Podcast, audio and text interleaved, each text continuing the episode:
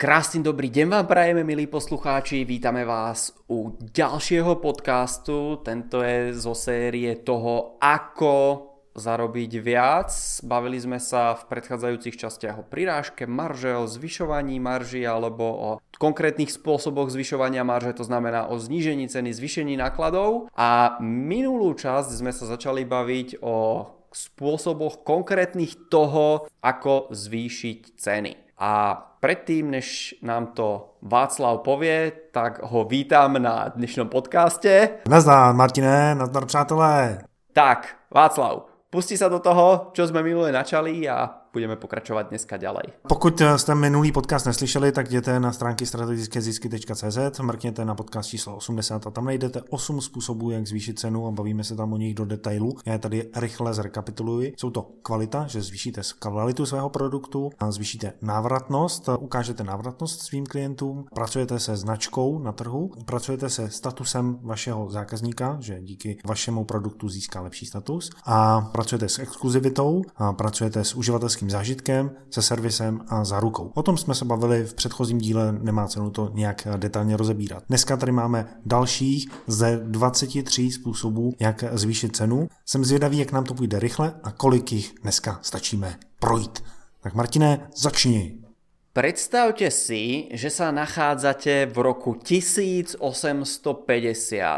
Samozrejme, ako muž pravdepodobne máte vyhradenú svoju prácu a sú dní, kedy ste na poli, alebo kedy jazdíte na koni, alebo kedy lovíte zvieratá, alebo čokoľvek, to je jedno. Ale ako žena Máte presne zadelené tie dni v týždni. To znamená, že muži pokiaľ vám nalovia zvieratá, tak vy sa idete s ostatnými ženami z toho vášho okolia, napríklad škubete husy jeden celý deň, druhý deň možno niečo šijete, tretí deň zašívate, štvrtý deň možno zbierate niečo v poli. Ale ten piatý deň je zaujímavý pre nás, pretože ten piatý deň máte vyhradený na pranie prádla. Ako to pranie prádla prebieha? Zase vy sa spolu s ostatnými ženami zídete pri najbližšom potoku, zoberiete nejaký ten kameň alebo možno nejaký už šmirgel alebo čo sa používal, keď ste mali lepšie nástroje k dispozícii a mali ste ten svoj koš prádla, to prádlo ste tam postupne začali namáčať a jedno po druhom ste to museli vyprať. Takže teraz prichádza tá naša reklama z roku 1851, kde vám predstavíme náš najnovší vynález a ten sa volá práčka. Jednoducho už viacej nepotrebujete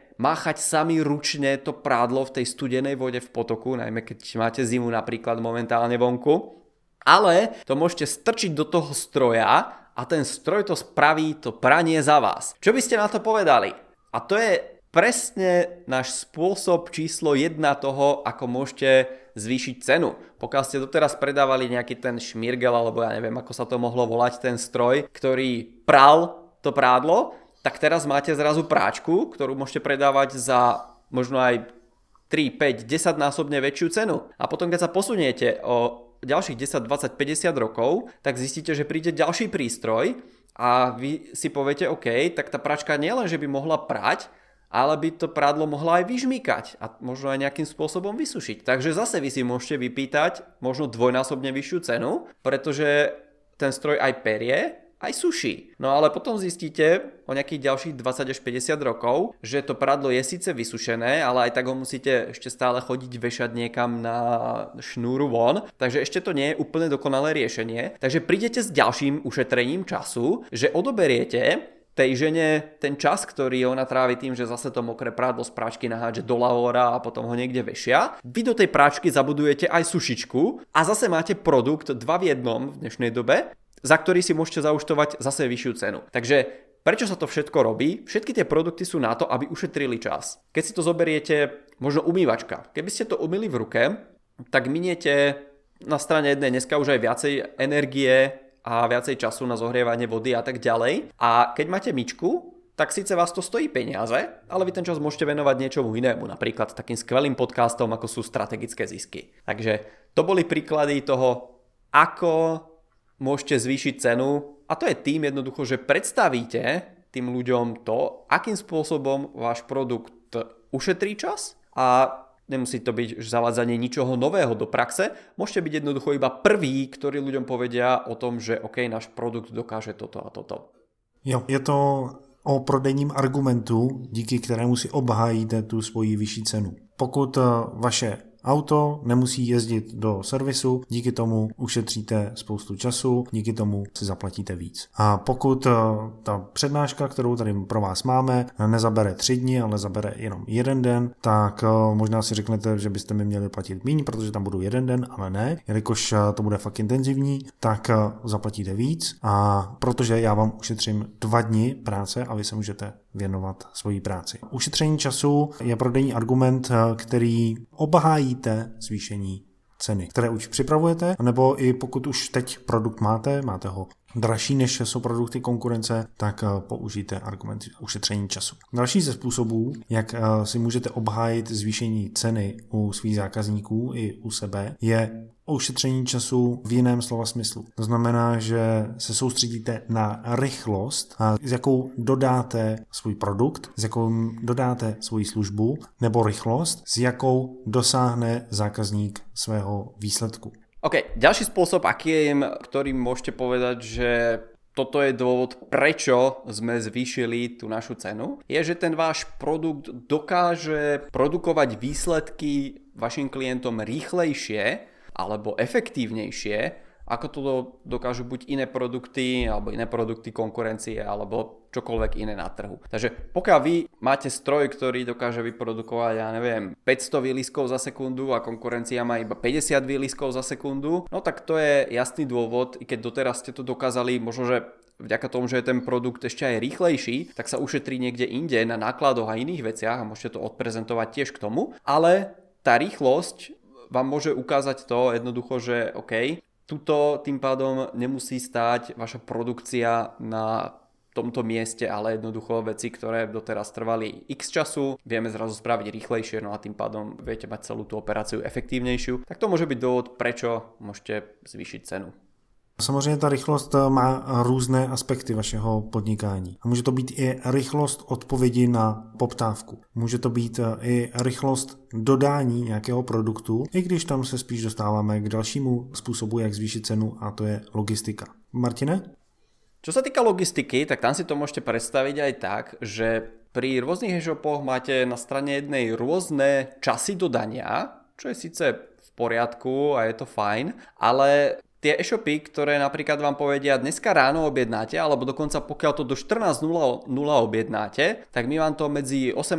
a 20. večer napríklad ešte dokážeme doručiť. Takže to môže byť dôvod, prečo vy môžete mať vyššie ceny ako konkurencia, pretože keď si to objednám ja dneska o konkurencii, tak oni to zajtra naskladňa, pozajtra to pošlu a budúci týždeň niekedy to ku mne dorazí. Takže to môže byť ten predajný faktor toho, že jednoducho vy to tu máte na sklade a dokážete to okamžite predať. No a samozrejme vám vznikajú nejaké skladovacie náklady alebo musíte si prenajímať nejaký sklad, priestory a tak ďalej. Takže samozrejme vy tam máte vyššie náklady na prevádzkovanie celého takéhoto biznisu, ale sú klienti, ktorí majú radi veci rýchlo, čím rýchlejšie, tým lepšie a sú ochotní viacej za to zaplatiť. Takže stále sa bavíme o logistike, já jsem měl teď před koncem roku 2016 potíž s počítačem, odešel mi a potřeboval jsem rychle v pátek večer pořídit nový počítač. Jediná služba, kterou jsem našel, tak bylo v Praze sklad Alzy. Tam jsem přijel a za dvě hodiny jsem byl v podstatě doma, zpátky v Plzni, a nakoupený počítač. Bylo to v 10 večer a u konkurence bych musel čekat až e, do pondělí. Takže oni mají logistický proces velmi dobře zvládnutý a díky tomu si můžou účtovat vyšší ceny, ale ta výhoda u nich byla ještě, že si neúčtovali vyšší cenu, takže ta jejich konkurenční výhoda je obrovská a díky tomu každý rok rostou o desítky procent.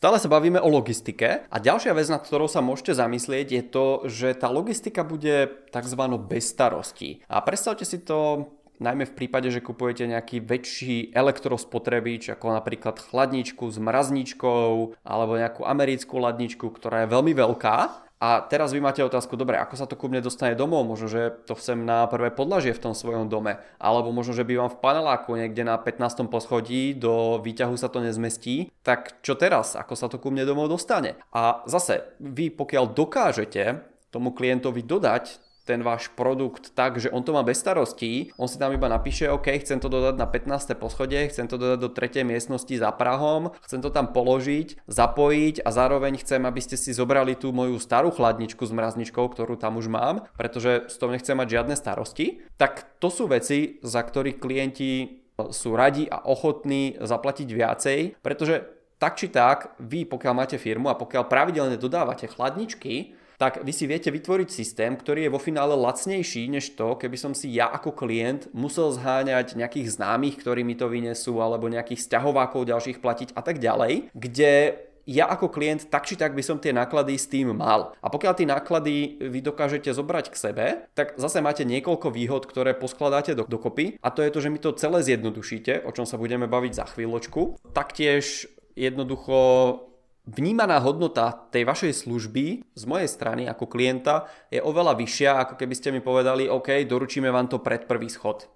Jasně, v dnešní době, kdy prostě chceme být co nejvíc pohodlní, tak prostě tohle to dává eh, velký smysl. Logistika, pokud máte e-shop, nebo pokud dodáváte produkt, nebo pokud eh, máte službu, tak eh, má veliký vliv na to, jakým způsobem lidé vnímají váš produkt. A jedna z věcí, která může padat do logistiky, ale nemusí, tak je i dostupnost. Jestli ten produkt máte teď i hned na skladě a můžu si ho teď i hned koupit, nebo na něj budu muset čekat měsíc, nebo abych si ho koupil, tak musím k vám zajet a vy se o mě musíte postarat, nebo ho mám k dispozici prostě cestou do práce je pro mě jednoduše dostupný a tak si ho koupím. Dřív v roce 2008, když já jsem rozjížděl své podnikání, tak jsem uvažoval nad tím, že bychom se pustili do biověcí, protože tenkrát nebylo možné získat biověci dobré jídlo prostě. A v dnešní době už eh, v každém městě téměř je nějaký biokrámek, kam si můžete zajít a tím pádem ta dostupnost toho zboží je vyšší.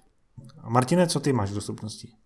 Čo sa týka dostupnosti, tak keď sa bavíme o zvyšovaní ceny, tak je to zase, že vy môžete mať na sklade veci, ktoré jednoducho nikto iný, žiadna konkurencia nemá a môžete to tak aj tým ľuďom prezentovať. Okay? My sme jediná firma, ktorá má na sklade buď jeden tento konkrétny druh výrobku, produktu, alebo jednoducho vieme dodať takúto službu, čo to môže byť. Ja si vymyslím, OK, mám tu 5 e, riaditeľov firiem, alebo 5 personalistov, alebo 5 telefonistov vo firme a jednoducho pokiaľ vám vo firme vypadne riaditeľ jednoducho, a to je jedno, že či ste v príjmacom procese alebo jednoducho vám ochore niekto v call centre, tak moja firma vám vie okamžite dodať nejakého človeka, zastúpiť vám toho človeka v tej firme. Takže ja si budem viacej účtovať, ako možno nejaká HR agency, ktorá mi toho človeka vyhľadá a vypýta si napríklad jeho jedno alebo trojmesačný plat za to, že nám ho vyhľadala. Hej? Ale jednoducho ja tým pádom, že mám tých ľudí k dispozícii, že ich mám stále zamestnaných, mám ich vo svojej firme,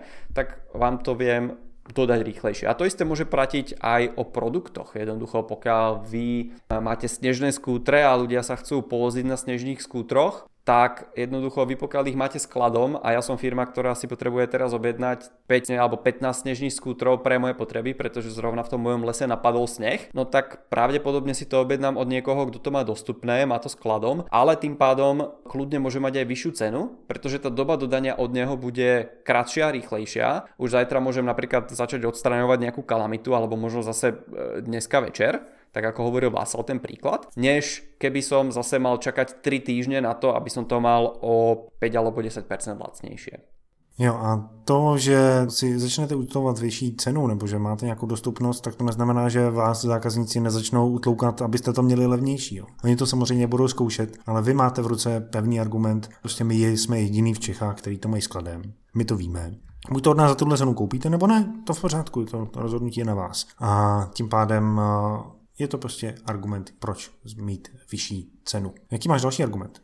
Ďalší taký argument, čo sa mi páči, tak to je to, aby ste mali v cene všetko zahrnuté. Takže my sme už povedali, že OK, vy ako firma môžete poskytovať nejakú špeciálnu logistiku, alebo vy ako firma môžete mať tie veci dostupné a môžete ich mať skladom. Vy ako firma môžete mať špeciálny servis, alebo môžete poskytovať nejakú dodatočnú záruku. Napríklad existujú veľkoobchodné siete v zahraničí, neviem, že či aj u nás, alebo minimálne s takou žiadnou nespolupracujem na Slovensku a v Česku, ale v zahraničí viem o obchodných sieťach, ktoré zarábajú len na tom, že predávajú napríklad záruku. To znamená, že produkt predávajú vždycky za nákupnú cenu a oni zarábajú na tom, že vy si predlžíte záruku. Z ničoho iného ten obchod nezarába, takže pokiaľ chcete lacný produkt, tak viete, že máte ísť do toho obchodu a jednoducho pokiaľ chcete nejakú doplňujúcu záruku z nejakého dôvodu na ten váš produkt, tak to je jediná vec, na ktorom ten obchod zarobí. Hej? Takže to, že vám to nejakým spôsobom poistí. Ale my sa dostávame k ďalšej veci a to je to, že všetky tieto spomínané výhody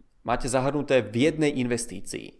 To znamená, že môžete mať all inclusive a to vám možno niečo hovorí z dovoleniek. Jednoducho, nekupujete si zvlášť letenku, zvlášť poistenie, potom na mieste zvlášť jedlo 3 krát denne alebo 5 krát denne a zvlášť zmrzlinu a zvlášť pitie, ale jednoducho to máte všetko zahrnuté v cene. Takže to isté môžete spraviť aj pri produktoch alebo službách. U těch eh, dovolených je to právě velice jednoduchý, protože tam se každý snaží jít cenou dolů na to úvodní a potom platíte palivové příplatky, platíte parkovní na letiště a tak podobně.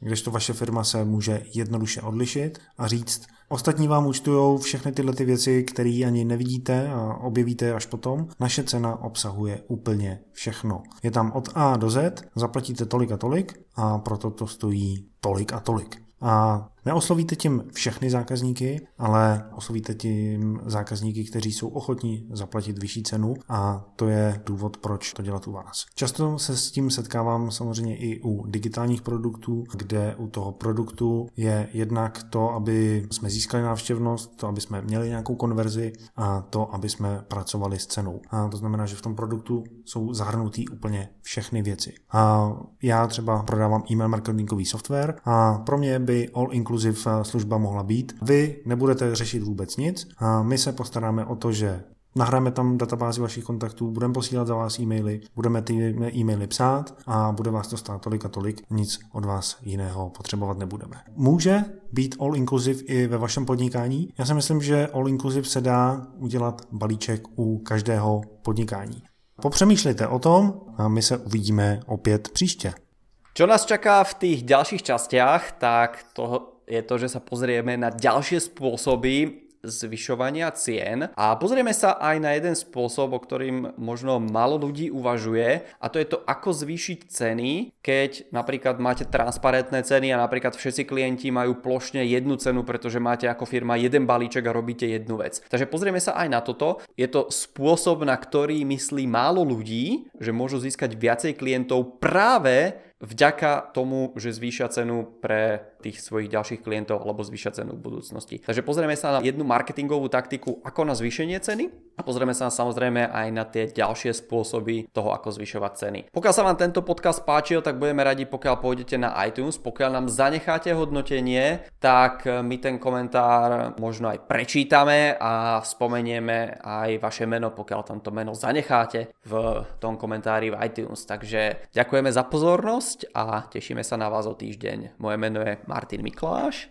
Moje jméno je Václav Krajňák a ještě předtím, než se rozloučíme, tak rychlou rekapitulaci. Dneska jsme prošli ušetření času. Jak ušetřením času můžete zvýšit svou cenu. A rychlost a další argument logistika, dostupnost a nebo také argument all inclusive. Pokud chcete mít i hned k dispozici všechny způsoby, jak zvýšit cenu, jděte na stránky strategickézisky.cz a stáhněte si to tam v PDF. -ku. Mějte se moc krásně, uslyšíme se za týden.